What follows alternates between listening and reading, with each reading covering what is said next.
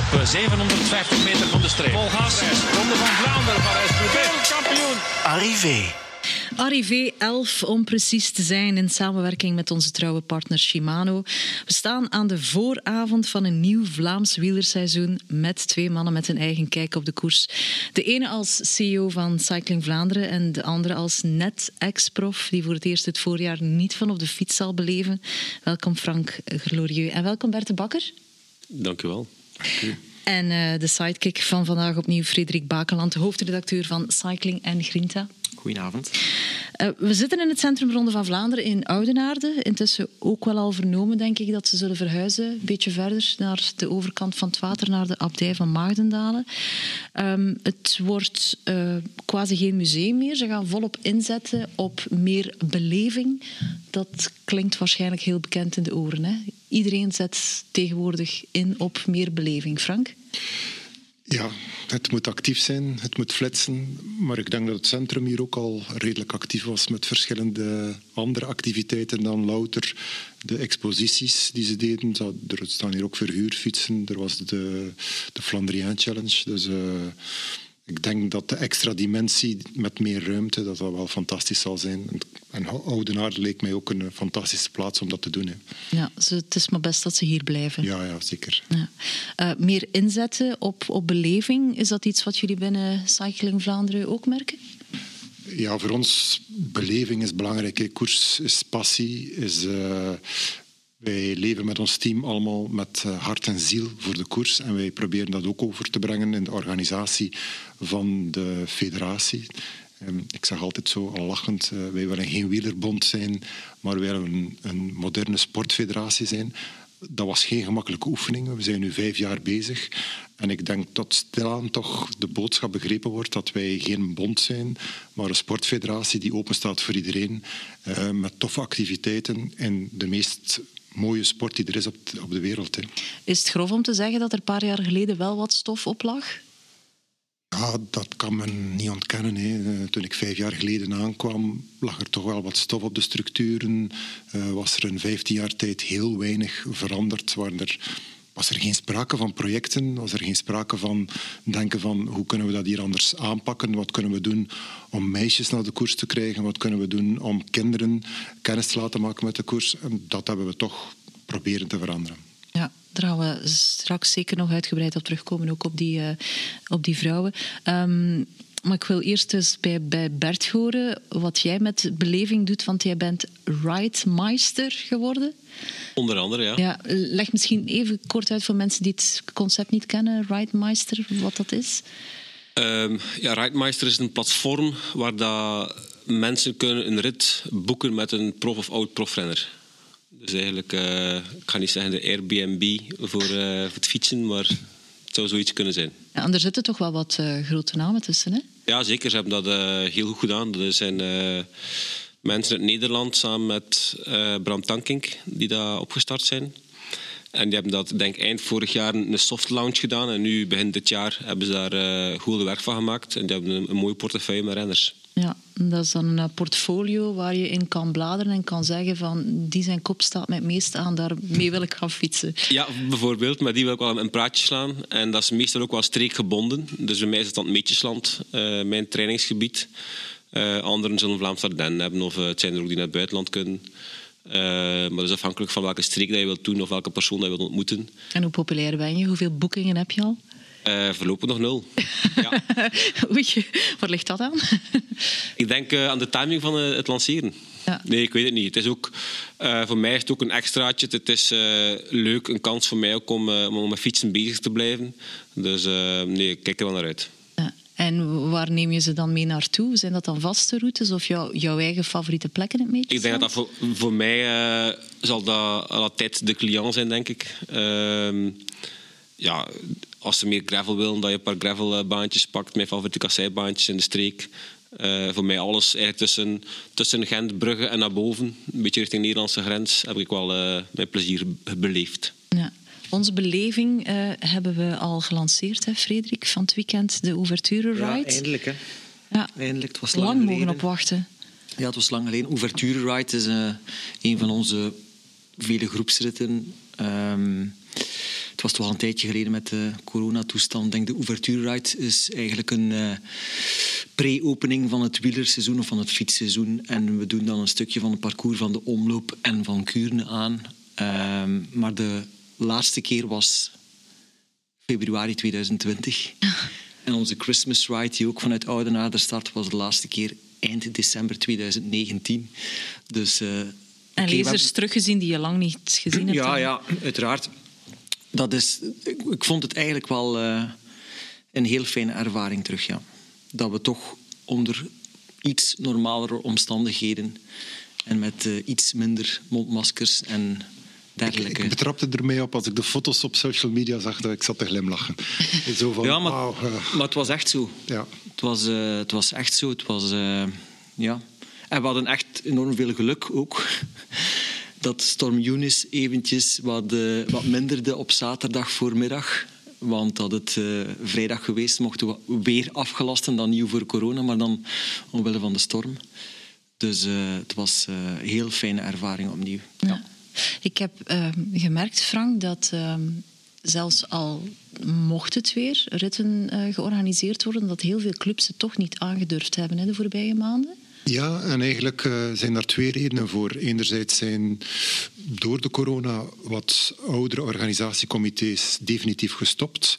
En toen zijn wij beginnen denken van ja, maar ja, maar uh, een beetje de motivatie houden. Nee, gasten, kom aan, doordoen. Uh, maar toen bleek ook dat uh, door de laatste variant, dat er heel veel mensen persoonlijk ziek waren en dat in die comité's met veel vrijwilligers, dat men geen mensen genoeg vond om koers te organiseren. Dus ik mocht eigenlijk niet zo, zo streng zijn. Uh, het was eigenlijk echt bij gebrek aan mensen dat men niet kon organiseren. Ja, maar toch, um, ik heb zelf ook nog van die typische caféritten gereden. Hè. Vijf euro en dan ergens stoppen om een suikerwafel te krijgen tussen de Sanseveria's op de toog. Ehm, ik merkte voor corona al dat, dat daar minder en minder volk op afkwam. Ja, de, de, de toertochten, uh, zeker op de weg, die gaan achteruit. Mensen hebben door corona de GPS ontdekt. We hebben het ook geleerd om op GPS te rijden, om tochten te rijden. We hebben ook geleerd om clubuitstappen te maken met de GPS. En uh, de toertochten die geen niet die extra dimensie geven. Zoals ja, als je gebonden bent aan het parcours van een, van een mythische koers, dan, dan trekt dat volk. Maar als je gewoon naar een cafeetje moet gaan om nu nog de 40 kilometer te rijden, nee, dat doen ze niet meer. Daar gaan clubs niet meer naartoe, daar gaan vriendengroepen niet meer naartoe. Dus je moet dat extraatje geven. Mensen zijn veel lijstend geworden, weten wat het is om te rijden met de fiets. En weten van, oké, als we hier, zelf al maar 5 euro betalen, willen we toch iets extra hebben. Ja, dus liever soms 20 euro voor een rit met beleving betalen dan ja, een goedkoop ritje. Met pijn in het hart, want uiteindelijk het laagdrempelige is voor ons belangrijk. Uh, waarom? Omdat de instap al hoger is. Voor je op die koersfiets zit, ben je toch vlot uh, ja, 1500, 2000 euro kwijt. Uh, ik denk dat dat toch een minimaal bedrag is. En ja, als je dan nog iedere keer per weekenddag 20 euro moet betalen, 35 euro, 50 euro Het had zijn charme, die kleinere tochten, maar ze vallen eruit. Let op, ik vind uh, het feit dat een club afspreekt op de parking uh, om dan samen de, uh, ergens een rit aan te pakken die men op de GPS gezet heeft. Ik vind dat ook geen slecht systeem hoor. Ik vind dat ook leuk. Als je dan hier door de Vlaamse Ardennen rijdt of andere Vlaamse landen, dat is zo stereotyp Vlaanderen. Als je op de snelweg rijdt, ik zeg dat tegen mijn vrienden uit Italië, als je hier op de snelweg rijdt op een zaterdag of zondag, dan zie je zo de wielerclubs over die bruggen steken. Dat zie je in geen enkel ander land, behalve in Italië. Dat zie je dat, dat ook. Uh, maar bij ons is het zo typisch streekbeeld. En vroeger zag je dat niet in het putje van de winter, omdat het was toen te koud. En nu zie je dat meer en meer in de winter ook. Dus dat blijkt hoe populair dat die sport is. Ja. En fietsen is sowieso dankzij of ondanks corona heel populair geworden. Hoe vertaalt zich dat bij Cycling Vlaanderen in meer, meer leden of misschien net niet? Uh, ik denk dat wij in de twee coronajaren, ik denk het niet, ben het zeker, uh, eh, 7000 leden gestegen zijn. Dus op, uh, we, zijn, we, kwamen van 43.000, we zitten nu aan 50.000 unieke leden geïdentificeerd. Dus dat is ja, fantastisch. Hè. En heb je er een beeld op wie die mensen zijn? We hebben er een heel goed beeld op. Een derde zijn vrouwen, dat is het goede nieuws. Ehm, de vrouwen zijn ook jonger dan de mannen. De vrouwen springen op de, op de sportieve fiets vanaf 25 jaar. Uh, en de meeste zitten tussen de 25 en de 38. De rest zijn mannen, ook jonge vriendengroepen. Dat is, en dan het de typische wielertoerist, 45 tot 65, eh, dat is de rest van het pak. Maar die nieuwe mensen, hoor ik jou nu zeggen, met die vriendengroepjes, dat ze dan eerder individueel aansluiten bij jullie dan zich aan te sluiten bij een club? Ja, we zien de twee fenomenen. Clubs lopen vol. Ehm, zeker competitieclubs die zeggen van we hebben een ledenstop. Dat is de eerste keer dat we dat tegenkomen toeristische clubs, heel grote clubs, uh, raken ook heel vlug volboekt. En langs de andere kant zien we ook vriendengroepen die zich dan meer structureren, die dan informatie bij ons vragen. Ja, wat is eigenlijk het voordeel om een club te worden? Waarom zouden we dat doen? Proberen we die mensen te overtuigen, omdat eigenlijk het principe van Sport Vlaanderen is nog steeds uh, fietsen in club is belangrijk, omdat je dan elkaar kunt monitoren, je kan iets bijleren. Uh, er is ook wat sociale controle uh. Maar individueel uh, fietsen blijft een individuele sport. Hè. Dat is heel raar. Als ik met andere sportfederaties spreek, voetbal, handbal, tennis, uh, gymnastiek, dat zijn allemaal clubsporten en wij zijn zo'n beetje de enige sport waar wij ook heel veel individuele aansluitingen hebben. Ja, en tegenwoordig is het ook zo simpel om allemaal hetzelfde tenuutje ergens te laten maken en gewoon de zaterdagochtend inderdaad GPX op de GPS te zetten en uh, aller rouler. Ja, het tofste wat ik zag is zo, me kwam met de kabinet, me zat hier op de parking, mij reed een tour en dan ging de kabinet open, twee bakken bier en had ik zijn pintje toch nog achteraf. Dus uh, ja, dat is ook een stukje fietsen. Hè. Je bent je vrienden onderweg en die een après hoort er ook bij. In corona kon dat dan niet. En uh, een goede Vlaming vindt dan een alternatief. Mm -hmm. uh, Bert, ik vermoed dat je je dagen zeker niet kan vullen met Ridemeister spelen als er geen boekingen binnenkomen. maar ik heb er niet helemaal een zicht op wat je nu allemaal doet na je carrière.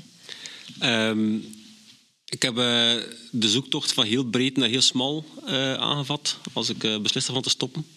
En nu eh, ben ik op punt dat ik als zelfstandige voor Decca werk. Uh, ongeveer drie dagen per week. Kledingmerk ook, hè? Dat is een, een sportkledingmerk. Vooral wielerkleding en loop. Uh, loop en, en triathlon ook wel. En wat doe je voor hen? De etiket dat we op bekleefd hebben is Brand Ambassador. Uh, en dat is een, een, compact bedrijf nog, ondanks dat het eigenlijk al heel lang bestaat. Oost-Vlaams, hè? Oost-Vlaams, in Haveren zitten die. Um, en ik had ambitie om ook impact. Ik had een paar kernwaarden voor mezelf opgeschreven. En eigenlijk alles wat ik uh, opgeschreven had, komt daarin voor. Um, en de kern is dat ik daar de kans krijg eigenlijk om het ondernemerschap te leren kennen van binnenuit. Um, en ik doe dat voor verschillende dingen. Dat zal ook een deel consultancy zijn, een deel verkoop, vertegenwoordiger.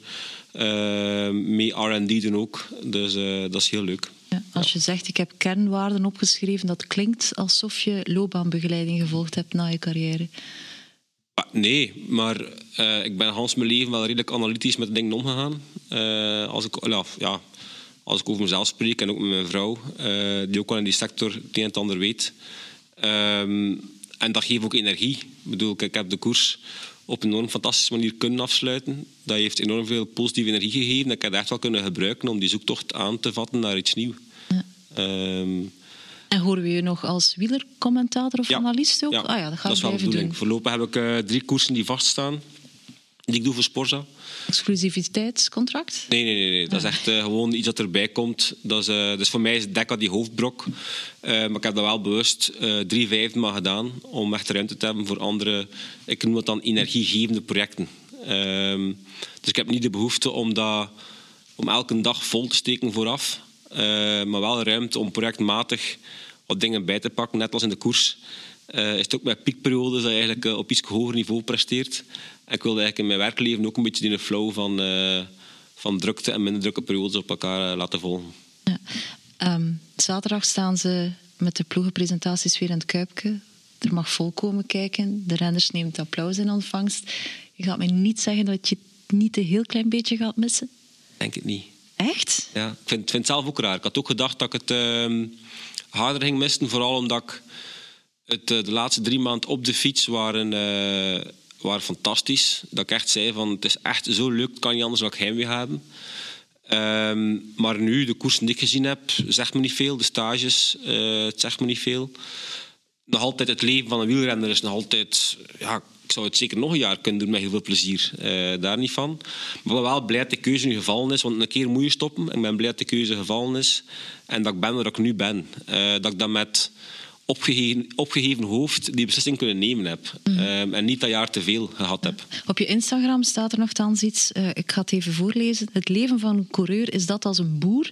Hele dagen hard werken, maar toch alle dagen vakantie. Ja. Er moeten toch aspecten zijn die je mist? Ja, die vrijheid. En alleen maar met je lichaam moeten bezig zijn. Ehm, maar ik heb ook heel veel dingen in de plaats gekregen. Um, het is cru gezegd, maar binnen het gezin heeft mijn vrouw ook haar carrière mogen uittekenen en doen, of kleuren. Maar ik heb bij spreken de, de contouren van de tekening gegeven. Uh, en ik heb dat niet bewust gedaan, maar het leven als wielrenner is zo dat, dat die agenda eigenlijk boven die van je vrouw staat. En dat is fantastisch dat dat nu evenwaardig is. Uh, nu kan ja, het leven van een boer, die mensen werken dag en nacht, maar als je dat graag doet, is dat dag en nacht vakantie ook. Dus dat is het fantastische aan wielrennen. Uh, maar hoe ouder je wordt, de, sommige dingen worden minder evident. Uh, als gezinsleven belangrijker wordt. Ja. Nochtans, ik hoor van, uh, van rennersvrouwen dat het ook vaak aanpassen is als de renner met pensioen gaat, want die is plots alle dagen thuis en kijkt ook wel op de vingers. Was het voor haar wennen?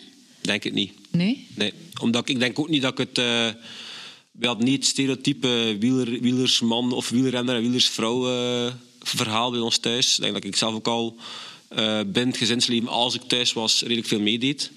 Uh, maar het grote verschil is dat ze nu gewoon niet meer op haarzelf aangewezen is als ik weg ben. Uh, het was gewoon typisch dat ik naar Spanje vertrok, dat de oudste zoon dan een hap in zijn hoofd had, of dat uh, de sofageketel dan net uitviel.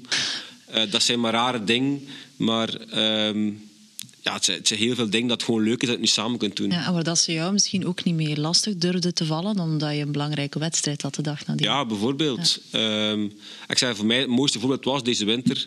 Uh, mijn jongste zoon en mijn vrouw hadden corona. En ik ben ook gewoon gezellig samen thuis met hen thuis gebleven. Wacht, toen ik ook corona had met, mijn oudste zoon. En stel dat dat een jaar geleden gebeurt, dan is bij van spreken paniek. Oei, hé, Bert mag niet ziek worden. En je wordt altijd met een fluwelen handschoen behandeld. Ook al is dat niet bewust. Hans omgeving behandelt je anders, omdat je... Ja, je wordt een beetje op een piedestal gezet, want je leven is toch specialer of de rest. Hij moet specialer behandeld worden. Ja.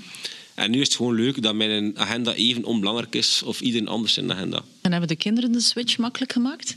Ja, die zijn blij dat ik veel thuis ben. Ik denk ook wel, moest ik nu moeten uh, plots drie weken weg zijn, dat heel lastig zou zijn voor hen. En voor mezelf ook. Ja. ja.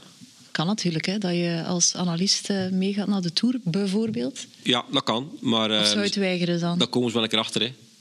dus okay. het feit is, als ze dan komen buiten uw sport, heb je daar wel tijd voor hen. Als zij nu meegingen op stage, bij van spreken, dan train ik misschien maar vijf of zes uur.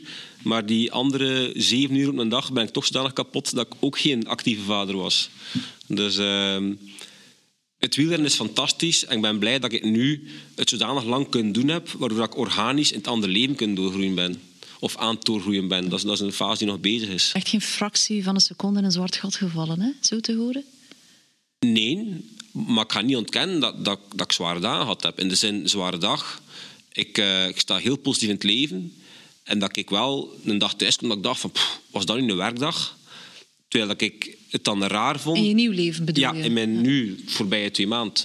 Dat ik het raar vond. Ik als positieve mens die wel dingen kan plaatsen. En ik wist het heeft tijd nodig. Maar toch kon ik met die dag niet gelukkig zijn. Omdat je bureauwerk niet als hard werken beschouwt? Ja, omdat, omdat er geen, geen to-do af te kruisen was. Anders als je vijf uur fietst, je komt thuis, het wordt geüpload op Training Peaks. Daar staat dat ik mijn taak van die dag volbracht heb. En ik ben trots en voldaan en kan gaan slapen. Nu, als je op een bureau zit en moet je inwerken, moet je heel veel mensen dingen leren en dingen bijwonen. Dat wordt van je verwacht. Dat is ook nodig, want anders kun je de volgende stap niet, niet uh, aanvatten. Maar dan kom je wel thuis en dan zegt je vrouw... ja, ik heb vandaag niets gedaan en ik moet dan dat factureren als een werkdag.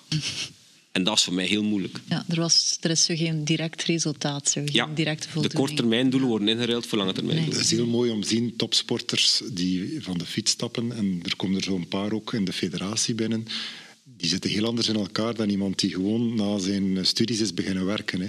En die vinden inderdaad dat dat werk, dat dat geen werken is. Hè. Ik zie Jolien zo de eerste dag nog rondlopen. Zo van, ja, is dat hier nu werken? Uh, ik kan nog dat erbij doen en dat erbij doen en dat erbij doen. Zo, nee, rustig, rustig. Ja, ik vind dat fantastisch. Uh, die, die kop is zo sterk. ehm, van door die topsport, dat ze iedere keer ook in het werk door de muur willen gaan, iedere dag. Terwijl uiteindelijk, ja, als werkmens kunnen dat niet, anders overleeft je werk niet. Ik vind dat... En ook niet gezond, hè? zeker in nee, tijden dat burn-outs uh, weerig tieren, toch? Is dat voor jou een cadeau om iemand als Jolien Door in het team te krijgen? Ja, zeker. Voor ons is dat zeker een cadeau. Um, Jolien is ook een zeer positief mens. Ik herken dat in Bert ook. Uh, ook zo geen minuut spijt gehad van, van de fiets te stappen en in dat nieuwe leven te stappen. En daar ook zeer toch wel ambitieus en begeerig in zijn van nieuwe dingen. Um, en ja, dat is, dat is voor ons ook een energiefactor die zij naar ons meebrengt. Dat is heel mooi om te zien. Ander insteek ook naar... Uh, naar het fietsen. Wij zitten er zo al, al lang in dat federatie, zwemmen. En, uh, Verjonging, vervrouwelijking ja, in, uh, heel belangrijk. in en ook zo organisatie. de wilskracht van het moet en het zal slagen. Ja. Uh, terwijl wij vroeger geneigd zijn van oké, okay, laten we daar een compromis afsluiten en dat gaat misschien daar gevoelig liggen. Nee, nee, zij gaat er nog voor. Hè. Dat is tof. Ja. Bert zoekt nog nieuwe uitdagingen. Hè? Ja, maar ik had al genoteerd. Is er al contact geweest tussen jullie? Nee, nee, nee. nee, nee. Ik kende Bert niet van... Uh, ik kende zijn naam wel. Ik wist dat hij profielrenner was. Uh, ik had me eventjes moeten opzoeken waar en wanneer en hoe. Mijn hulplijn moeten bellen, mijn zoon van 22. Dus ik weet het nu, Bert, gewicht ja. en lengte. Ik wil altijd optreden als manager, hè, als ja. ik een patiëntje ja, mee kan pikken. Hè. Nee, maar voor mij is dat ook... Daar geloof ik ook enorm in dat een topsporter het topsportklimaat mee kan brengen naar een nieuwe omgeving dat dat wel iets is dat wij. En dat is misschien een beetje, ik weet niet of dat arrogant is, maar we zijn gewoon dat al, al hetgeen dat het resultaat dat we krijgen is omdat we zelf iets wel of niet gedaan hebben. En dat vind ik wel durven staan voor, voor de oorzaken en gevolgen dat er rond, rond muziek zich afspeelt. En ik, een, uh, ik hoop dat ik dat kan volhouden in hetgeen dat ik ga doen. Ja. Maar je sport ook nog. Hè? Ik, we Ja. wonen niet zo heel ver van elkaar in vogelvlucht. Ik heb je al, al lopend je kinderen naar school zien brengen. Ik ben je ook al tegengekomen op een mount- mountainbike-tocht. Is dat echt gewoon de goesting die er nog is? Ja, ja. Ik ben, ik heb, ja, sowieso voor mijn gezondheid wou ik ook wel detrainen. Dus denk ik niet sowieso zomaar stoppen met mijn sporten. Dat is niet gezond, dat schijnt voor een sporthart nee, eh, nee, om inderdaad. direct te stoppen. Mijn hartslag zou heel onrustig worden en, en zodanig hartslaan bij zo spreken dat ik soms uit mijn bed zou daveren van, eh, van hartslag. Heb je daar begeleiding in gekregen? Is er jou Ik heb heel veel contact met de cardioloog en ik ben ook nog in eh, december. Ik heb mijn, dus als profrenner moet je jaarlijks of echo of inspannings-EKG laten doen. Ehm, afwisselend, maar ik deed alle jaren de, de beiden. En ik heb nu ook nog eh, dit jaar in december de beiden laten doen. En volgend jaar december doe ik ook nog een laatste EKG-proef. En als die ook gewoon normaal is, dan gaan we die eh, frequentie iets minder kort zetten, zeg maar. Eh, want ik heb ook nog in mijn, in mijn carrière nooit geen problemen gehad, maar wel ongerustheden gehad over, over mijn hartslagen. Ehm, dus vind ik wel belangrijk om dat zeker, zeker op te volgen. Ja. En is dat standaard dat dat wordt aanbevolen aan... aan ja, Het zou standaard moeten zijn. Hè. Ehm, vooral ook gewoon hormonaal op alle vlakken eigenlijk. eh, gesport tussen de 20 en 30 uur per week. Je kunt daar niet gewoon plots niets mee doen. Eh, je kunt dat doen, maar ik denk dat dat voor niemand aangenaam is. Voor jezelf niet, maar voor je gezin ook niet.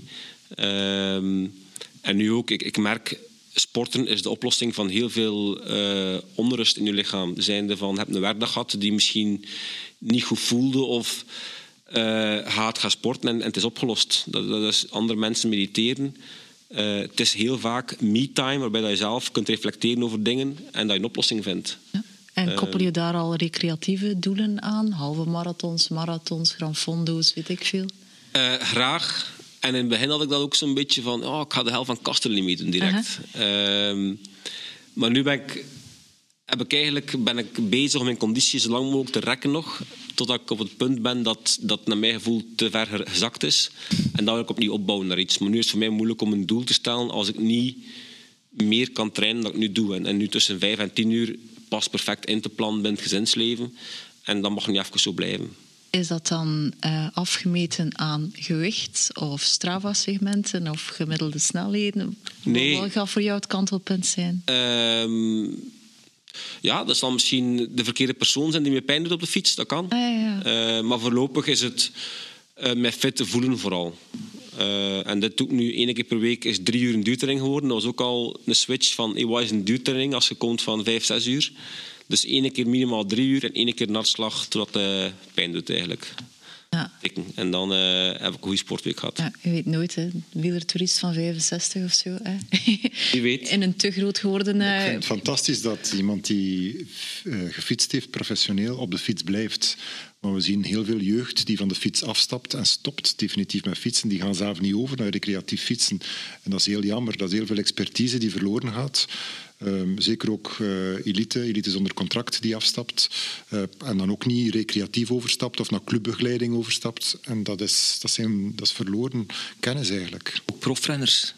Ex-prof, eh, Ja. die stoppen en die echt geen fiets meer kunnen zien, hè, Bert. Ja. Dat gebeurt zo vaak. Hè.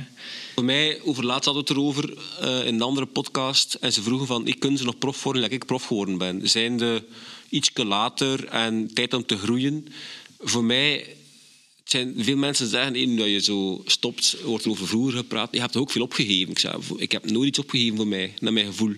Voor mij, de, het fietsen dat ik deed van nieuweling tot met senior, dat was mijn Giro. Ik had evenveel fun of de man in de Giro, misschien zelfs meer. Want we gingen nog een keer eh, naar, de, naar Dardenne op stage. En eh, we moesten geen puttafel als we naar het toilet moesten, bij van spreken.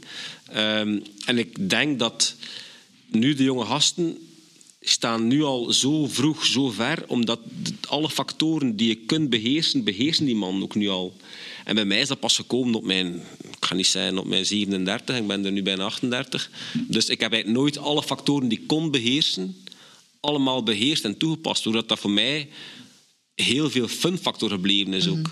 En ik denk dat dat misschien een gevaar is, dat, dat de echte fun krijgt minder plaats omdat zo snel professioneel is. En, en voor zij die dat wel kunnen, die professionele factoren beheersen, is het ook de max.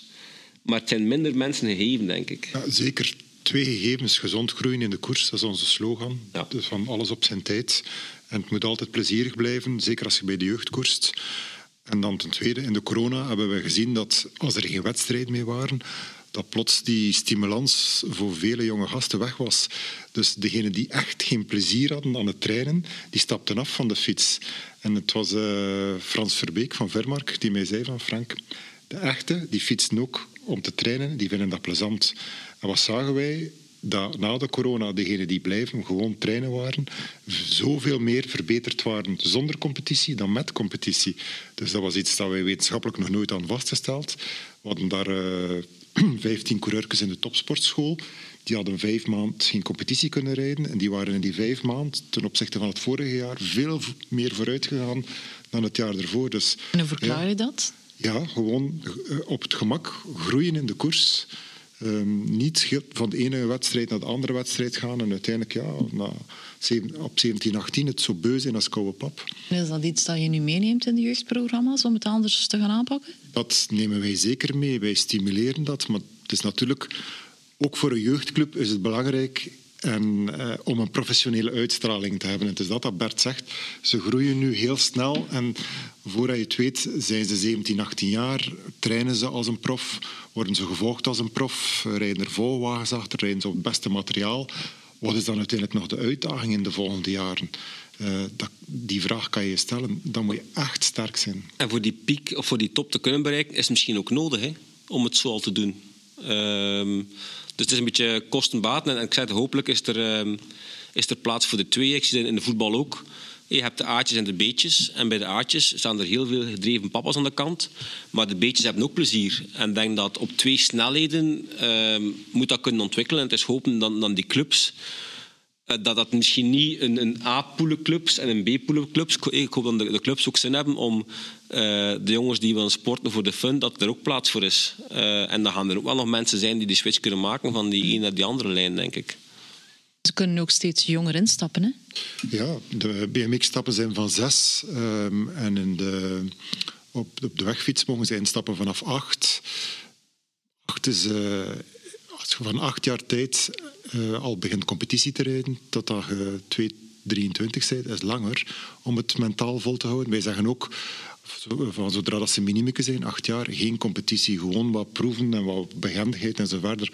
Dat is heel moeilijk. Je kunt het ook moeilijk uit de hoofden van de ouders spreken. Van zo, nee, nee, nee, niet te veel wedstrijden, dat, dat is heel moeilijk.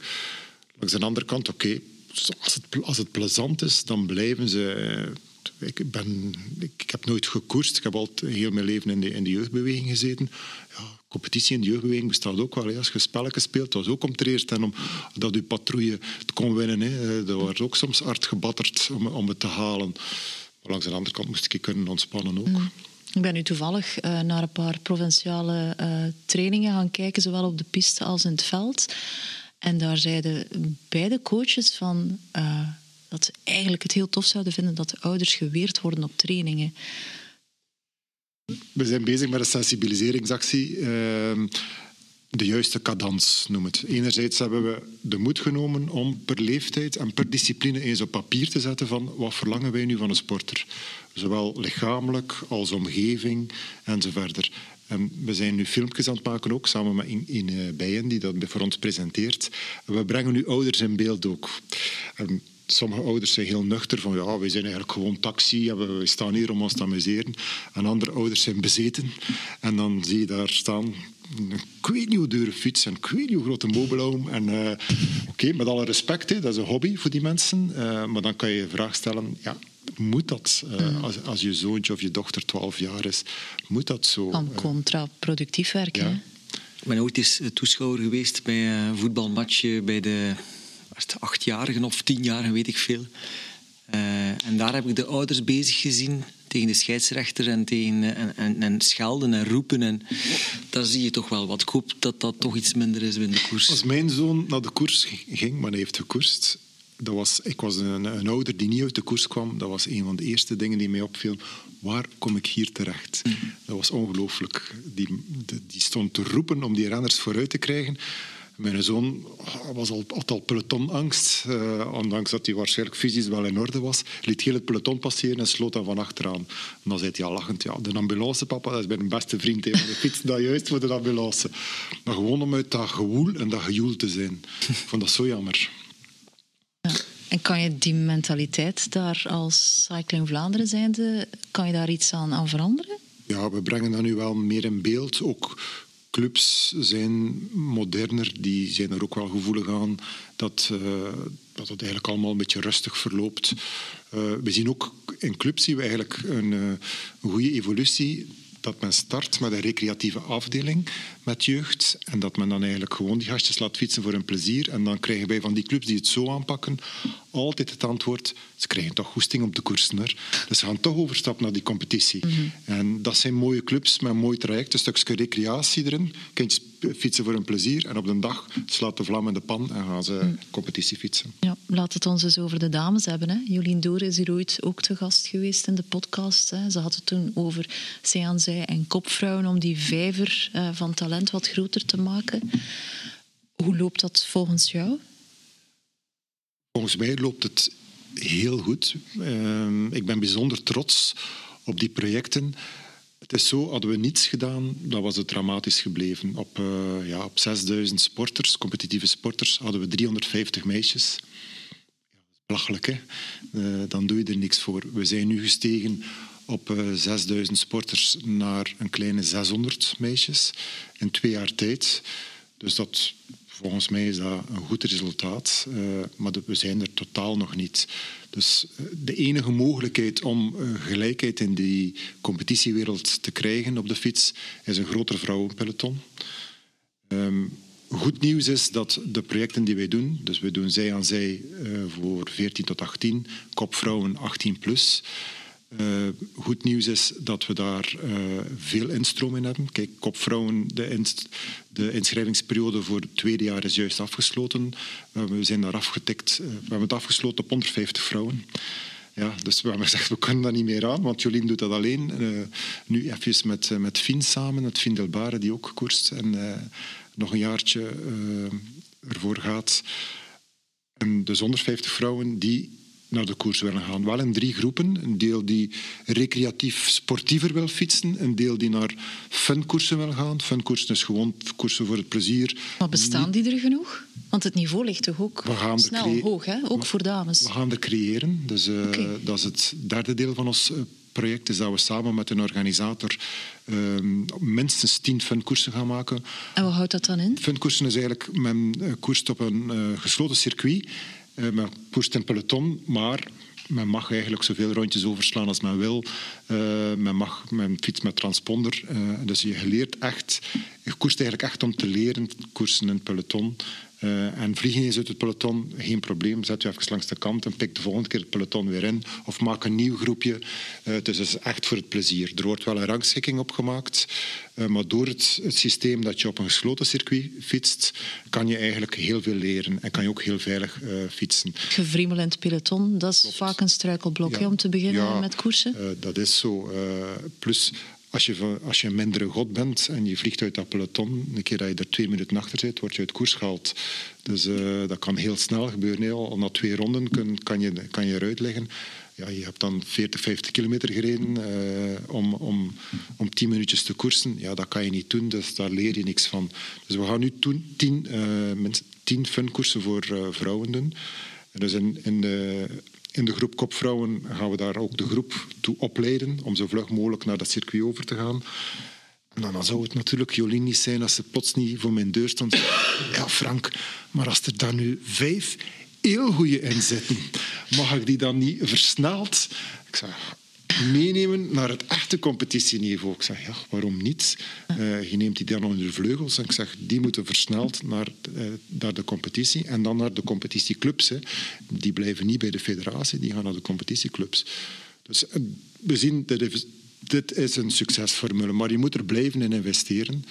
Kost en, en je hebt het ook over gesloten circuits. Die zijn niet zo eenvoudig te vinden. Hè. Dat gaat blijkbaar vlotter in Nederland dan in België om een circuit helemaal af te sluiten voor wat In Nederland heb je vaste circuits, uh, die wieler, wielercircuits die gesloten zijn. Je hebt er 51 in Nederland. Met het recentste is het Tom Dumoulin Park. Um, ja, het klinkt raar. We zijn dat volledig gaan onderzoeken of dat wel tof was. Ik had ook zoiets van, wat kan daar nu tof aan zijn? Dus we zijn in een, in, in een minibus gesprongen en er met vier naartoe gereden. Ja, dat is fantastisch. Hè? Dat is een, uh, circuit. Je, je, kan ten eerste de, de grote omtrek rijden, die kan dwarsen. Er staat een heuveltje in het midden, er is een kasseibaan. Uh, dus je kan je echt amuseren. En om, je kan op een veilige manier je bochten pakken, binnenkantbocht, buitenkantbocht, of omgekeerd Bert, ik weet het niet. Uh, dus uh, je leert het, hè, zonder dat er auto's uit de tegengestelde richting komen. Um, en waar zie je mogelijkheden in Vlaanderen? Want allee, sorry, het vliegveld van Ursel is nu ook niet het meest sexy parcours om daar regelmatig rondjes te gaan trekken. Hè? In Kuurne is de financiering rond om de hippodroom om te vormen tot een, uh, een wielercircuit. Dus daar zouden ze volgend jaar uh, aan starten. Dus dat is zeer goed nieuws. En hoe lang is dat dan? Dat zou 1 kilometer 8 zijn, een ja. toertje. Met ook een stukje kassein, ook met een hellinkje in. Uh, dus het wordt een, een, heel mooie investering. Um, dat is, is dat een van, de, allez, een van de zaken waarom dat we achterop hinken? Maar men verwijst altijd opnieuw naar Nederland. Hè. Telkens, naar die, naar die, naar, telkens als er een kampioenschap is zal er een journalist van, uh, van Sportsa vragen aan de bondscoach van en hoe zit dat nu met de dames, wanneer komen ze? En dan moet, wel, moet de bondscoach altijd antwoorden, ja, je moet dat tijd geven. Er zijn heel veel initiatieven bezig en dat klopt ook. Je moet dat tijd geven. Telkens opnieuw, als er een kampioenschap is, wordt die vraag gesteld al jaren. Hè. Ja. Bert, als Bert een antwoord... Ik weet het antwoord, want ik heb het bekeken. Maar, um... Nee, ik bedoel, Nederland heeft ook zijn, uh, zijn uitgangbord natuurlijk. Hè. Ik weet niet of dat de, de, grote oplossing is, maar ik denk dat we daar nu ook wel uh, met Lot en met Jolien toch uh, iets betekenen. Dus, ja. ja. Ik heb al met veel mensen van federaties gesproken in Nederland en gevraagd wat is het systeem. En het antwoord is altijd, er is geen systeem. Ja. Ja, dus gewoon fietsen zit meer in het DNA van de Nederlandse meisjes. Ze fietsen meer ook naar school en zo verder. Uh, en er zijn twee, drie grote clubs die trekken die trekker zijn in het verhaal.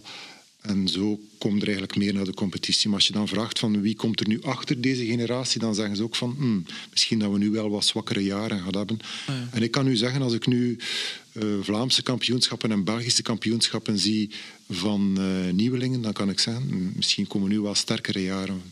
Uh, door die instroom al drie jaar de zij-aan-zij-actie, dus 14 tot 18 per jaar, 50 nieuwe meisjes erin. Um, als je ziet dat onze jonge categorieën dan op een kampioenschap van Vlaanderen die een minuut starten achter de oudere categorieën, dat gaat toerijden, dan heb ik zoiets van, hoe bezig? We gaan er geraken.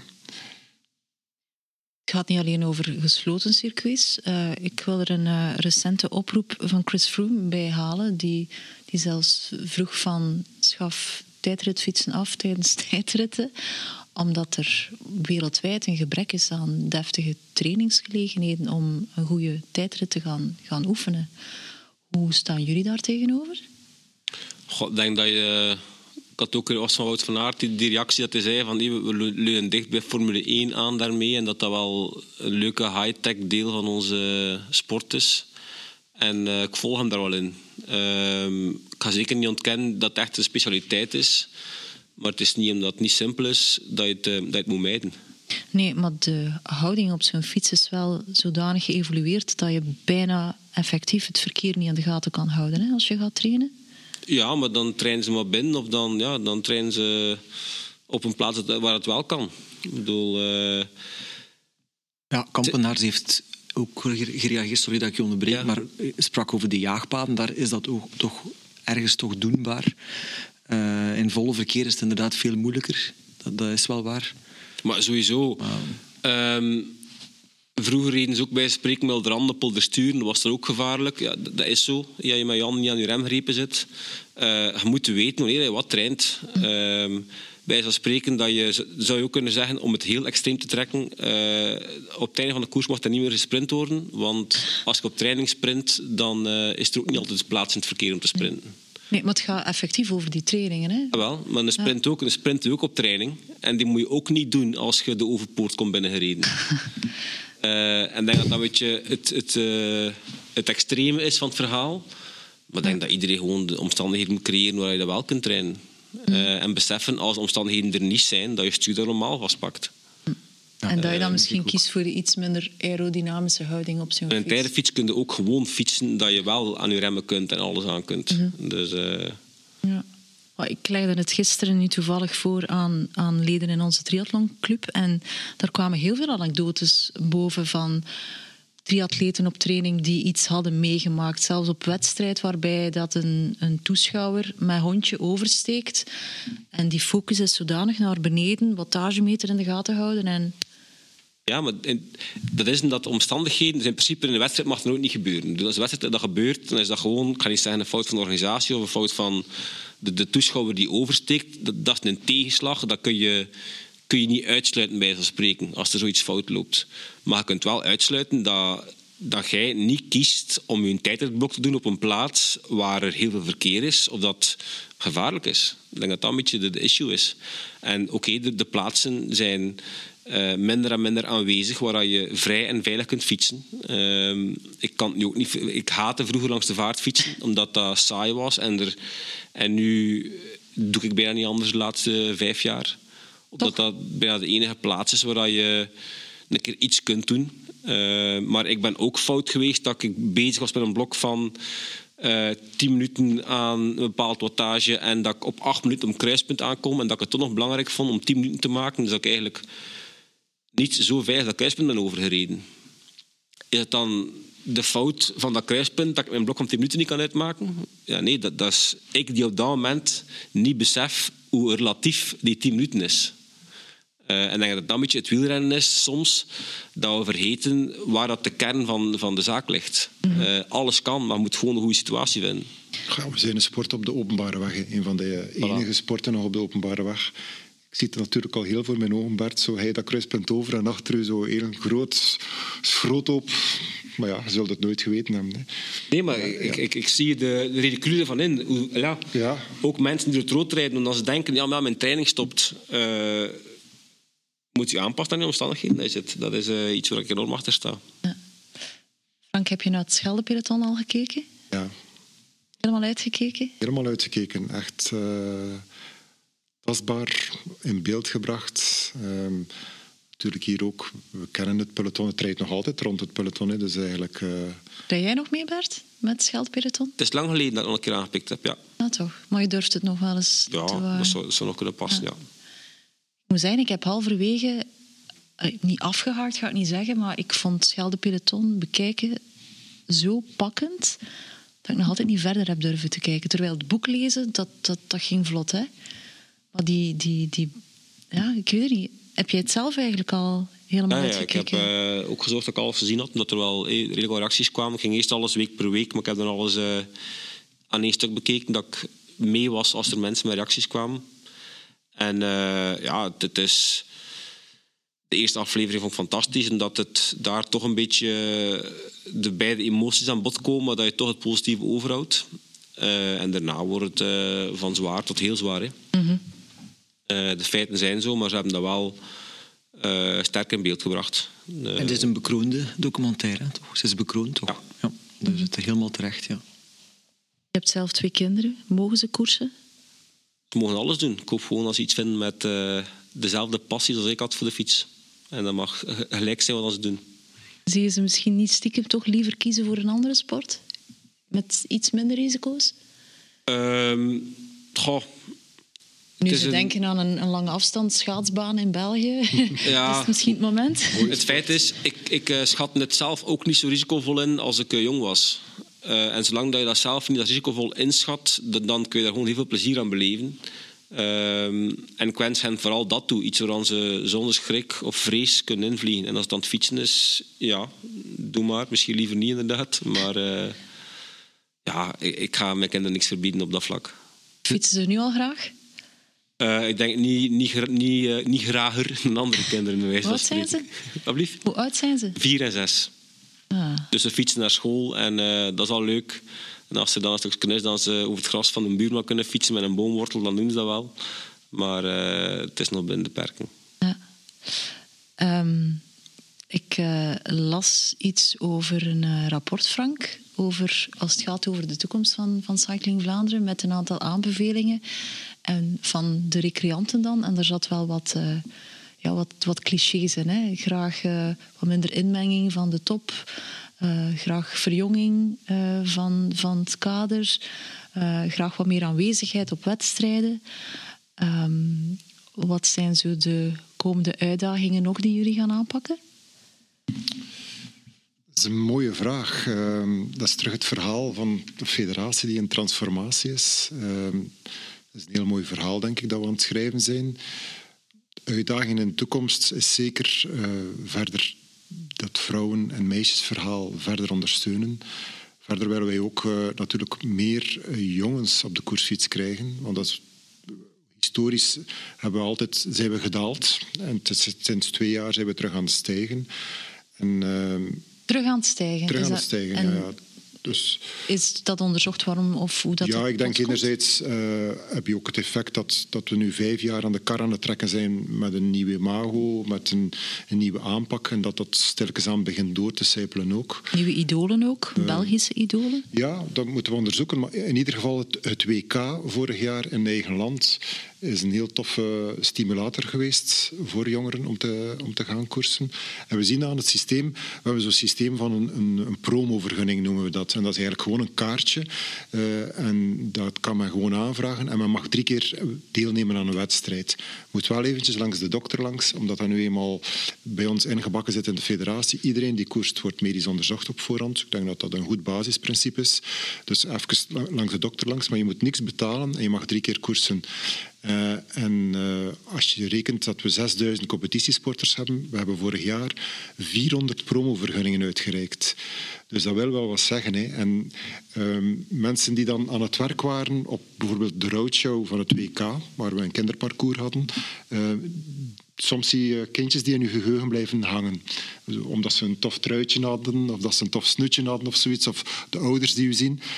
En dan zo een maand of zes later zie je ze opduiken in een of andere wedstrijd. En zeggen ze, ik heb die ouders toch al een keer gezien, dat koppel. En dan zie je zo dat ventje of dat meisje passeren en zeggen, voilà, ze zijn er geraakt.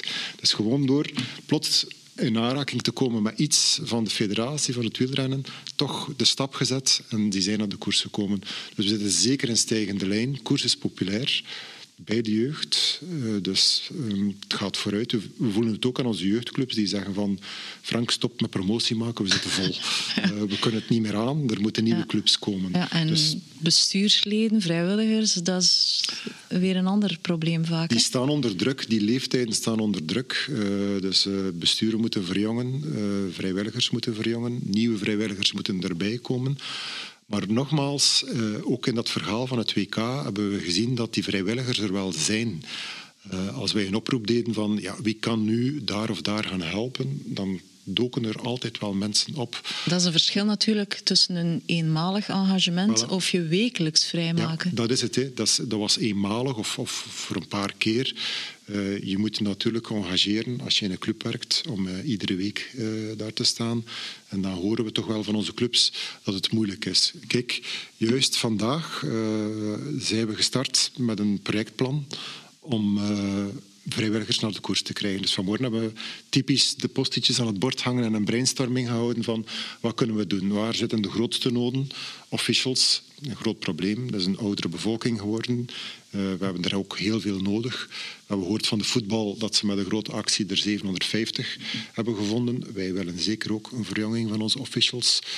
Um, en dan ja, in de clubs meer vrijwilligers binnenkrijgen is voor ons ook heel belangrijk. Ja. En wat wordt de vette vis die wordt voorgehouden? Wat, wat ja, we zijn er nog niet aan uit. We zijn er nog okay. niet aan uit. Uh, uh, wat we nu zien is dat we bijvoorbeeld... We hebben een rondvraag gedaan bij onze officials. Wat is belangrijk voor jullie? Uh, betaald zijn, uw maaltijd krijgen, respect krijgen, die kledij krijgen. En het bleek dat men zou kunnen zeggen, ah, betaald zijn is belangrijk. Hè. We willen onze, onze zakcent verdienen. Nee, dat was zo niet. Is het respect. De kledij was ook belangrijk. Ze willen er proper uitzien, uh, ook herkend worden. Dus uh, vorige week hebben ze, ze met... Uh, met de post allemaal een nieuw kledijpakket gekregen. En dan zagen we vorig weekend uh, hier en daar op Facebook uh, foto's opduiken in de nieuwe kledij. En dat is voor ons dan altijd een stimulans van oké, okay, let's go. Ze, het lukt, we doen verder. Ja. Um, we moeten ook nog over de belangrijkste periode van het jaar praten. Hè? Ja, maar ik, wou, ik, wou, ik had nog een vraag voor Bert. Oké. Okay. Um, omdat Dekka komt uit een uh, wat moeilijkere periode. Ja. Uh, een moeilijkere periode. En dan is de vraag van... Uh, ja, uiteindelijk, Dekka heeft ook nog ooit Buckler, Edwig van Ooydonk, Katusha zelfs ook nog gesponsord met, met wielerkleding. Maar dat is, al, dat is al niet een moeilijke periode achter de rug. En wat is dan daar het plan? We hebben nu het plan van Cycling Vlaanderen gehoord. Hoe gaat Dekka terug op de nieuwe site in, in, in Gaveren ook dat ze zitten? Hoe, ga je, hoe gaan jullie dat dan aanpakken om uh, terug Dekka iets meer op de kaart te zetten? Ja, ik denk dat het begint met product. Hè. Dus product zijn dat is al goed. Maar ik denk dat we nu... Dekka is zijn basis, denk ik, met die teams. Oké, we spreken niet over clubs. Um, ik denk dat Dekka zijn, zijn custom teamwear, dat ze daar... Elder, uh, de legacy opgebouwd hebben. Um, en nu stilletjes aan gaan we ook kijken om op die retailmarkt uh, mee te gaan. Um, en nu vandaag is, is, is, die branding ook belangrijk. Dus, dus Decca heeft nog altijd die, die oude brand een beetje, die is nu aan het aanpassen zijn. Um, en daaraan werken. Dat is een beetje de, de, de ding eigenlijk. Ja. Maar ik geloof zelf niet dat voor, voor, voor Decca dat een must is om een, uh, een profploeg te sponsoren. Of de, ik ben zelf prof geweest. Uh, kan me bijna niet inbeelden hoe, hoeveel het dan moet kosten om een Hans team van kledij te voorzien. Uh, je krijgt bakken, bakken kledij. En dat zijn dan nog niet altijd de, de, beste ambassadeurs voor je merk. Dus ik denk dat je beter een paar uh, specifieke personen uitkiest die dan je merk kunnen gaan vertegenwoordigen in de sport. ook binnen, eh, like dat je nu de gravel scene hebt, dat je de, de mountainbikers hebt. Ik denk dat je daar meer specifiek je doelgroep kunt vinden. Geeft je nu ook feedback op, op kledij om ze beter te maken? Ja, ja, ja, dat is wel zeker uh, uh, mijn taak. En, en, dat was ook dan leuk. Uh, de eerste maand daar was, dat ik ook wel bij, bij alle producten dat ik had, wel direct voelde van oké, okay, dat is het. Of ik voel dat we er komen. en dat is gewoon leuk, ja. Okay. Waarom zeg je dat coureurs niet de beste ambassadeurs zijn? Fans willen toch gekleed zijn als of rijden met dezelfde fiets van, van hun idool? Ja, maar met ambassadeur bedoel ik ook om je merk beter te maken dan je al bent, of het product beter te maken dan je bent. En als ik mezelf uh, terugdenk een tijdje terug, je krijgt je pakket kleren en dan ga je aan je sponsor niet gaan zeggen wat je goed vindt. Mm. Dan ga je vooral gaan zeggen wat je niet goed vindt. Uh, ook en belangrijk. Dat, ook belangrijk. Ja, maar meestal gaan ze het niet aan de sponsor zelf zeggen. Dan gaan ze het aan de teammaat zeggen. Mm. Uh, en dat is iets dat ik wel vind van... Uh, als er, ik heb heel lang voor, uh, binnen Sunweb met heel goede kledij gereden. Ik ging dan naar een andere ploeg. Uh, en dat was gewoon van een... Ja, dat was ook een Hans ander merk. Die hadden dezelfde budgetten niet, maar de kwaliteit was ook een pak minder. Heeft mij een half jaar gekost om dat te, te aanvaarden. Dus als je dan als, als partner aan, aan die renners kledij geeft uh, en die beseffen niet om welke budgetten dat wel of niet kan, ja, er kan misschien voor dat geld niet niks beter gemaakt worden, uh, maar loopt wel te klagen dat het niet goed is. Ja, dan moet je weten waarom dat niet goed is of wat er wel kan gedaan worden. Mm -hmm. Dus daarom geloof ik meer dat, dat die, die, die uh, een partnership is niet alleen geven, maar ook hopen dat je, dat je daardoor een nog beter product kunt maken. Ja, heb je een target gekregen van de omzet moet maar zoveel tegen eind van het jaar? Nee, nog niet. Ah, nee. Handig. Er is, ja, er is eigenlijk bij de retail is er wel uh, een target gesteld waar ik me kan, uh, kan naar smijten en eventueel een bonus binnenhalen. Ja. Dat wel. Dus er valt toch iets af te vinken ergens eind ja, uh, ja. van het jaar. Maar, maar ik heb het gevoel dat we, dat we eerst op andere dingen kunnen focussen. Dat er uh, nog andere dingen zijn waar ik veel te leren heb en dat die target misschien dan volgend jaar wel komt. Ja. En ik had dan nog een dingetje, omdat we Jolien Doren vaak hebben horen passeren. Die werkt nu ook deels voor Cycling Vlaanderen, maar die is ook ploegleidster Ja. uh, geworden. Jij bent een zeer gerespecteerde analist. Dus doorziet de koers, je kunt, kan de koers lezen. Is dat ooit een optie geweest of was dat in functie van je gezin en dergelijke van weer zo vaak van huis weg zijn? Ja, daar pas ik sowieso voor. Dat was mijn eerste insteek wel, dat ik uh, niet nog meer van huis wou zijn. Uh, maar je bent wel gevraagd. Er zijn, er zijn kansen geweest. Uh, en vroeger zei ik no way.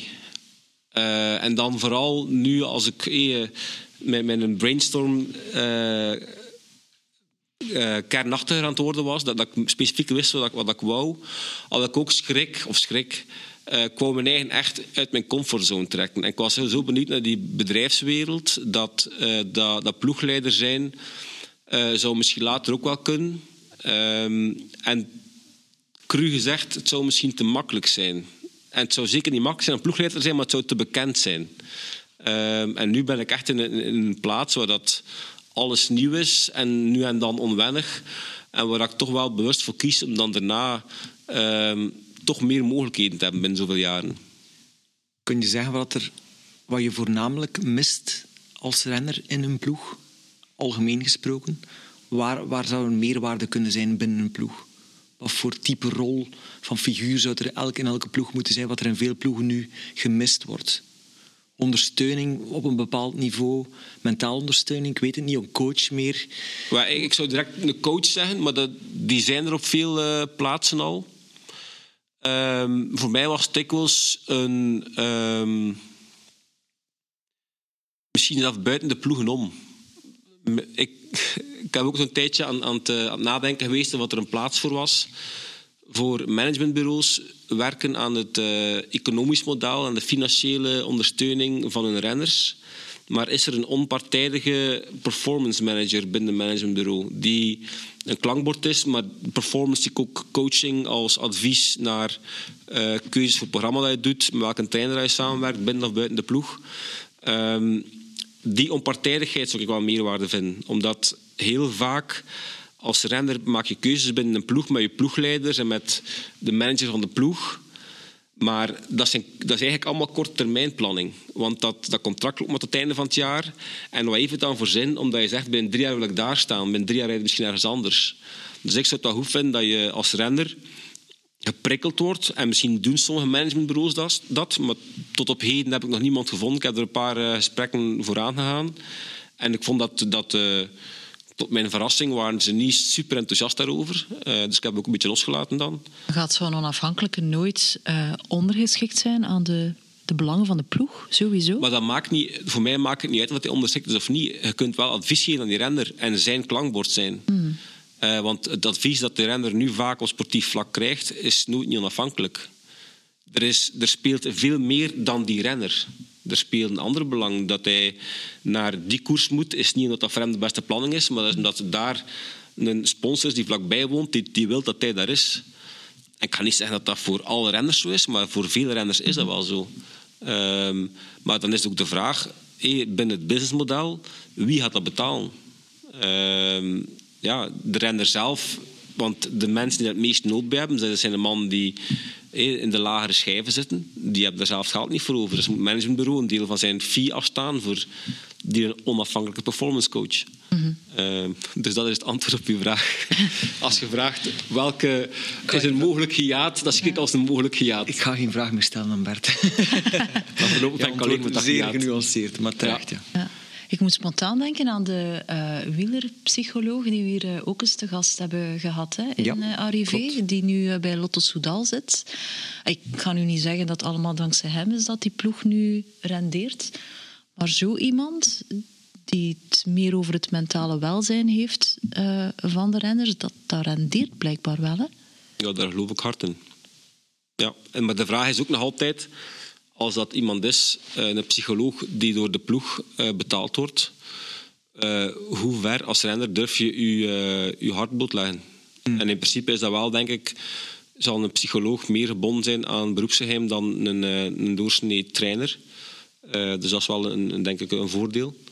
Ehm, maar daar zou je kunnen als renner twijfels over hebben als je zelf achterdochtig als persoon bent. Ja. Maar inderdaad, beroepsgeheim. In principe moet dat, de, moet dat de, de lading dekken of moet dat ja, Ja. een oplossing zijn. Ja. Voor mij, de revival van Lotto Soudal was tot nog toe wel een beetje de verrassing van het seizoen. Of hadden jullie dat zien aankomen, dat het zo vlot, zo snel, zo vlot ging gaan? Nee, totaal niet. Hè. We hadden dat kunnen hopen, maar als we de verhalen van twee jaar terug ehm, ophalen, was het eh, schande dat ze voor de goedkoop voor de jonge gasten gingen. En eh, nu al zijn de prijzen binnen met de jonge gasten. Dus eh, het is hen gegund. Ja. Wat was voor jou persoonlijk de verrassing van de wedstrijden die al gepasseerd zijn? Goh, ik heb het niet extreem gevolgd, maar ehm, de klassieke renners ehm, komen we nog niet al dagen tegen in de koers dat we nu zien. Dus daarnet spraken we, of eerst sprak je over dat de, de progressie van de, van de jeugd eh, duidelijk groter was door niet te koersen. Bedoel, dat is op, in het profpeloton al een tijdje langer aan de gang hè, dan ze niet koersen in het voorjaar en trainen. Hè. Dus voor mij is dat het. En eh, samen met de corona, die nu meer in het peloton zit dan ooit tevoren, terwijl dat er vroeger eh, blijkbaar amper in het peloton zat, maar overal erbuiten. Dat is voor mij het, het, eh, het meest opvallende. Zijn er echt zoveel besmettingen momenteel? Ik heb wel dat gevoel, ja. ja. Dus dat zou wel eens voor aderlatingen kunnen zorgen dan, de eerste Ja, het, wedstrijden. het, het, het, het blijft weer een mentale stress die erbij komt. Hè. Eh, dat je constant schrik hebt om het te hebben. Hè. En, en die schrik om het te hebben is dikwijls eh, erger dan het hebben zelf, denk ik. Hè. En de schrik om nadien niet snel te herstellen ook. Ja, bijvoorbeeld. Ja. Ik las een eh, interview met Wout van Aert in het Nieuwsblad. En dat ligt ook in alle andere kranten. eh, want tegenwoordig is het met videocalls allemaal natuurlijk. Ehm, dat, eh, dat eigenlijk de tijd misschien rijp is geworden om, om, omni- om de corona, eh, Omicron-variant te zien als een verkoudheid. Om het los te laten. Omdat natuurlijk telkens van zodra dat er een, een positieve test is... En, ja, dan wordt die renner... eh, ja, krijgt hij in zijn seizoensopbouw een knauw en, en dat is niet, niet vol te houden. Nou, er zijn wel mensen die er koorts van hebben. hè. Dat klopt wel, maar Wout was ook Ja. wel vrij gereserveerd en Ja, voorzichtig in zijn omschrijving, hè, voor alle duidelijkheid. En ook nog altijd, als je ziek bent, eh koerste ook niet. Hè. Ja, voilà. Dat, Dat, dat dat was vooral is van, ja, ik ben ziek en mijn vijf andere ploegmaten eh, moeten ook thuis blijven. Dat was de de- argumentatie, hè. dat was de, ja, Ik denk absoluut. dat heel de ploeg eh, een beetje uit zijn evenwicht geraakt, doordat die quarantaines ontstaan en Ja, die klopt. regels worden toegepast. Bedrijfsleven ook, hè, ja, en trouwens. Bedrijfsleven is ook een hele moeilijke. Hè. Jij iets onthouden van de voorbije weken? Ik moet zeggen, het eh profielrennen is voor mij gewoon kijken en genieten. Ehm, want uiteindelijk, ik ben professioneel eh, fulltime bezig met koers. Ik sta op met koers en ik ga gaan slapen met koers. En als ik pech heb, lig ik er wakker van. Ehm, dus het profielrennen, dat is dan voor mij gewoon ernaar kijken. Ik heb ook pech in het weekend als ik activiteiten doe, toeristisch rondrij, is ook werk. Want uiteindelijk, je gaat gaan praten met die organisatie. Je zegt goeiedag, je komt mensen tegen. Dus eh, allemaal een beetje professioneel gebonden. Dus het profielrennen, dat is kijken en genieten. En voor mij gewoon nu langs het hotel eh, met een auto rijden en dan zien, ah, de bus staat er. Fantastisch, het gaat beginnen. En dat, dat maakt mijn hart een sprongetje op de autostrade, de, de koerswagens kruisen. Ja, dat is het leven. Hè. En dan, dan bel ik met mijn zoon en met de familie. Ze zijn er, ze zijn er. Eh, en dan valt dat even weer stil, totdat dan eh, in april weer in gang komt. Eh, ja, dat zit al die jaren in onze familie. Maar doelbewust ga ik daar nu echt niet mee gaan studeren van wie zit waar en welke ploegen, wat zijn de progressies en wat zijn de kansen. Nee. De wielergids erbij om te zien wie van welke niet. ploeg veranderd is en nee, ik, kijk, kijk de nieuwe kleuren van buiten leren. Nee, ik kijk naar de finales van elke wedstrijd. Ik, ik, ben, ik kan enorm genieten van een sprint. Ik ben iemand die geniet van sprinten. En de sprinters volgen ook wel iets dichter dan de dan de bergmensen. Dus, uh, en dan, dan kijk ik ze van, ah, wie staat er goed dit jaar in de sprint? Dat vind ik fantastisch. Ook het lef dat je hebt om een sprint te rijden. En, en het manoeuvreer, paraatheid dat je hebt, is fantastisch. Ja. Ik ben voor de nieuwe Grinta uh, op interview geweest bij Geert uh, Meijfroat, de slimste mens. En sinds vorig jaar ook ja, dokter in de koers.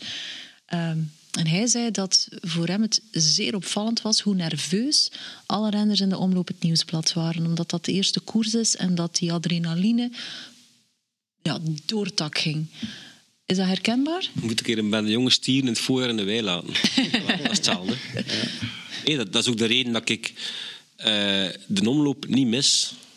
Dat is... Ja, Te nerveus. Dat, dat is, ik ga niet zeggen op leven en dood, maar ja, dat is de, elke koers tussen Omloop en van Vlaanderen of voorbij is, is een WK. Hè. De, voor al de mensen die daar in de start staan, hangt er zoveel van af. Het niveau ligt ook, ik ga niet zeggen zo hoog, maar eh, net eronder. Um, dus ja, dat is immens. Ja. En ook de supporters zullen als jonge stieren in de wijze gedragen, hè, want ze mogen weer gaan kijken. Gelukkig. Ik bedoel, uh, we hebben die nodig. Hè. Ja. Voelde dat voor jou heel raar aan om te koersen in Ja, toch wel. Ja, uh, want ik heb vorig jaar in omloop in, in, ontsnapping gezeten. En dat was toch wel zo een beetje droevig. Zo van, ja, krijg je nu. dus uh, nee, het, is sowieso meewaard met supporters erbij. En, en, en, op den duur lukt dat wel een beetje. Maar dan uh, vorig jaar het BK in uh, Waregem was weer de eerste koers dat er echt nog een keer volk was. En dat was s'avonds echt zo van... oh joh, dat was, dat echt veel volk. Um, want dat went ook zonder publiek. Maar als ze dan plots weer allemaal staan, het is gewoon weer... Ja, dan weten we weer waarvoor hij het deed. Ja. Mm. En het wordt misschien ook wel een, een bijzonder weekend, omdat we niet weten wat we ervan moeten verwachten. Wout van Aert moet nog aantreden. Evenepoel is in vorm, Mathieu van der Poel rijdt niet mee. Al die jonge gasten doen het goed is hun precies naar mijn gevoel niet... Wat is dat Bert zegt, hè. Uh, Wout heeft, is drie weken op zijn, heeft drie weken op zijn berg vertoefd. en die komt dan terug en dan begint hij meteen aan de, aan de omloop. Er zijn uh, een aantal renners die dan al uh, flink wat competitie in de benen hebben. Uh, en die zich ook getoond hebben. Lampaard bijvoorbeeld rijdt heel, heel sterk. En is toch een figuur die ook uh, in een koers als de Omloop het Nieuwsblad kan, uh, kan iets gaan doen. Maar dus, ja, je hebt verschillende instromen hè, naar die eerste koers toe. En dat is, al, dat is elk jaar zo. Hè. Ja. Er is nog geen enkel jaar geweest, ja, misschien vroeger met, met Qatar...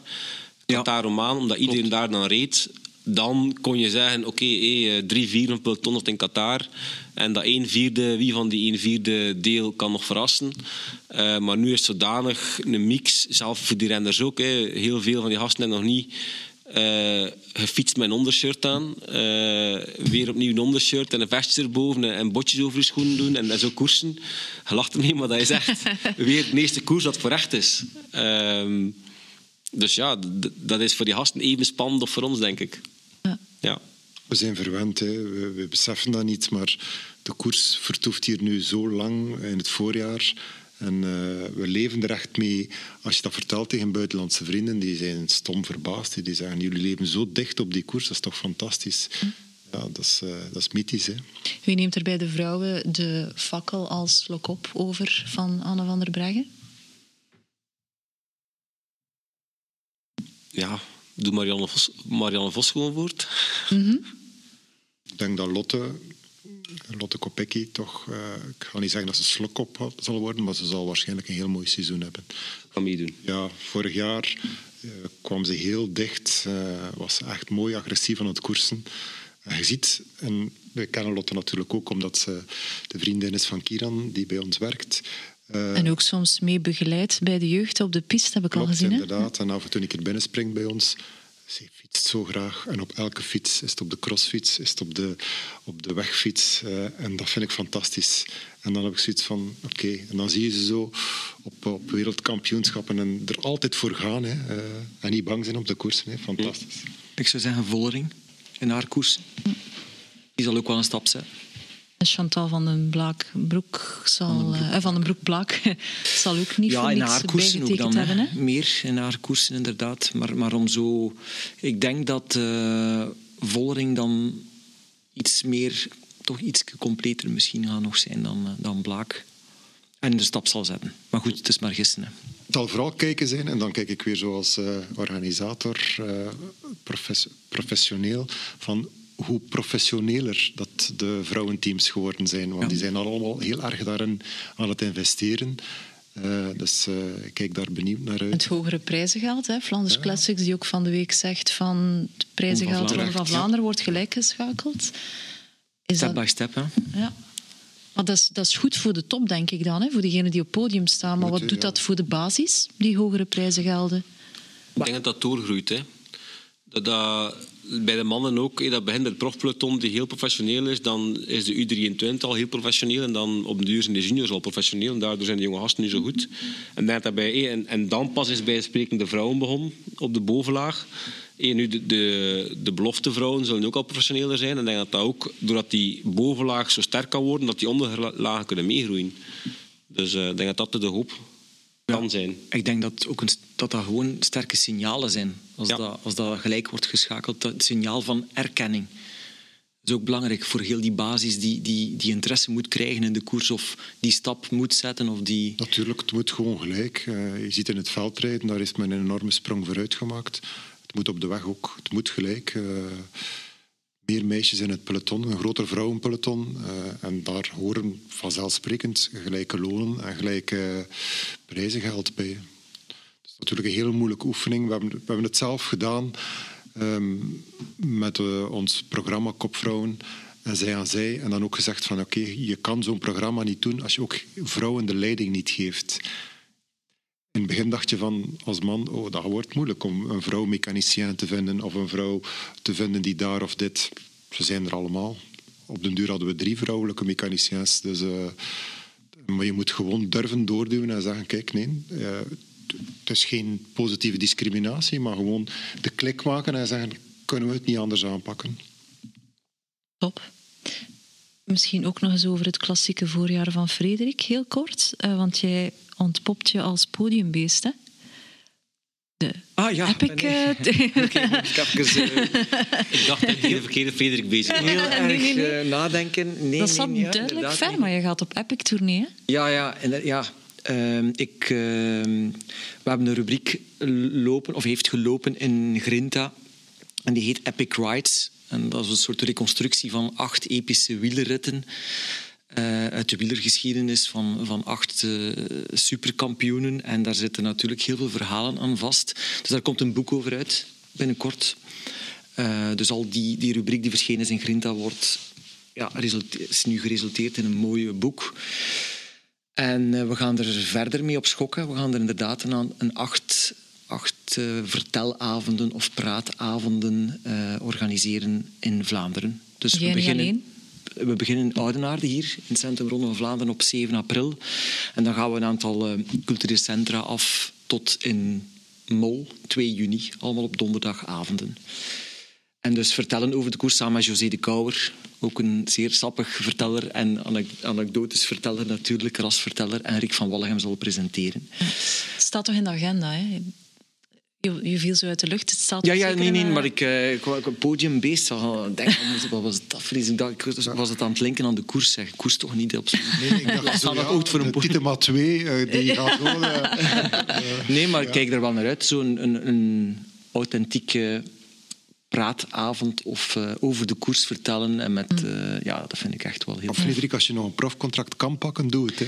Dat ja, zal niet meer lukken en dat zal, zal er nooit in is gelukt. Hè, dus, uh... ja, ja, maar die mens heeft al, die reed nog bij de belofte van BMC, dus die heeft wel een track record. Hè, dus dat die, die zal zich wel aanpassen. Ja, is het fout om te denken dat dat, dat uiteindelijk ook gewoon een promotiestunt is voor die ploeg. Hè. Eh, heel veel social media aandacht van Ah, ja, Titema. Dat, dat verdient zichzelf terug. Hè? Allee, oei. Iedereen zwijgt.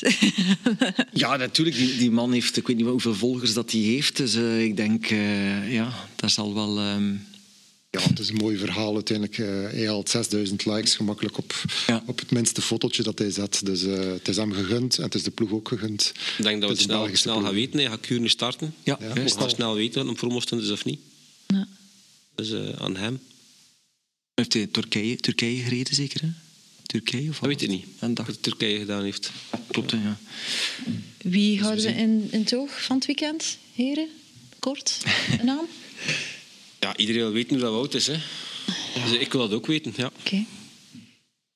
Een Vlaamse coureur is voor mij goed. Ik heb al vorig jaar zo vaak gezegd van Lampaard, oh, we gaan nog een keer zijn. Yves Lampaard. En heeft trouwens, ja, toevallig ben ik in zijn wiel gesukkeld vorige week, afziend op een training eh, in, in Pays de Colline. En eh, toen zei hij bijvoorbeeld van, ehm, dat is misschien ook iets om aan mijn Bert voor te leggen, om af te sluiten waarschijnlijk, omdat we het vaak over die coronaperiode gehad hebben, heeft hij effectief nog een keer benoemd van de indruk is er dat die coronaperiode het niveau danig naar boven heeft gestuurd, ook bij de profs. Is dat een indruk of eh, kan dat gestaafd worden? Is, is dat ook jouw gevoel geweest in, in die laatste... Maar het- is sowieso de, ehm, de te controleren factoren. Het aantal te controleren factoren is nog vergroot buiten vijf jaar geleden. Dus als je, ja, als je vroeger eh, je conditie met 95% zekerheid kon voorspellen, zitten ze nu aan 98 of 99%. Eh, al is het maar eh, de 120 gram koolhydraten. Ja, ik heb het nooit niet gedaan, om eerlijk te zijn. Eh, er zijn mannen die het al vijf jaar doen, maar er zijn mensen die, die nu pas, nu pas beginnen doen. Dus dat zijn, dan gaat het niveau omhoog. Dus eh, ligt, dat, ligt dat aan de corona? Nee, maar ja, dat ligt aan, aan een, eh, een paar teams of een paar individuen. En ik denk dat Victor Kampenaars daar misschien ook wel één van is Ja, ik denk er ook wel. die eh, de rest naar die hoogtes stuurt. Hè. Kampenaars trouwens ook een interessante naam. Hè. Rijdt hij rijdt hij trouwens het openingsweekend? Eh, ik weet niet, je zat- in Calpe of in de buurt van Calpe, Denia denk ik, eh, in het Hoogtehotel. Dus ik denk wel dat hij terugkomt, want die zat daar samen met Van Moer en ehm, Vermeers. Daar verwachten we toch ook wel iets van dit voorjaar, Dus, denk ik. Kampenaars maakt ook indruk, in ieder geval. Maar ik zeg dus Lampaard. Het mag gaan beginnen, wat mij betreft. Ja, Het wordt klaar smullen. Zeker en vast. Eclairken erbij van het weekend, het zetelken in. of ga je het op een andere manier beleven? Eh, ik mag erbij zijn met Sporza, dus ik zal het van de studio volgen. Oké. Ja. En jij, Frank? Ik zal eerst nog een Turken zelf op de fiets rijden en eh, dan voor de televisie. En je bent van Kortrijk, hè? Nee, nee, ik woon nu in Gent. eh, Oké. dus, ja, Oh ja, maar ja, dat is ook... ofwel rij Kuurne, ofwel rij ik eh, het nieuwsblad, eh, maar dan op de omgekeerde dag. Ja. Voor de toeristen. Eh, het zal een klein ritje zijn, maar het wordt mooi weer. Dus het wordt eh, een fantastische dag. Hè. Heren, geniet ervan. En eh dank je wel om tot uh, Oudenaarde te komen. U ook bedankt. Oké.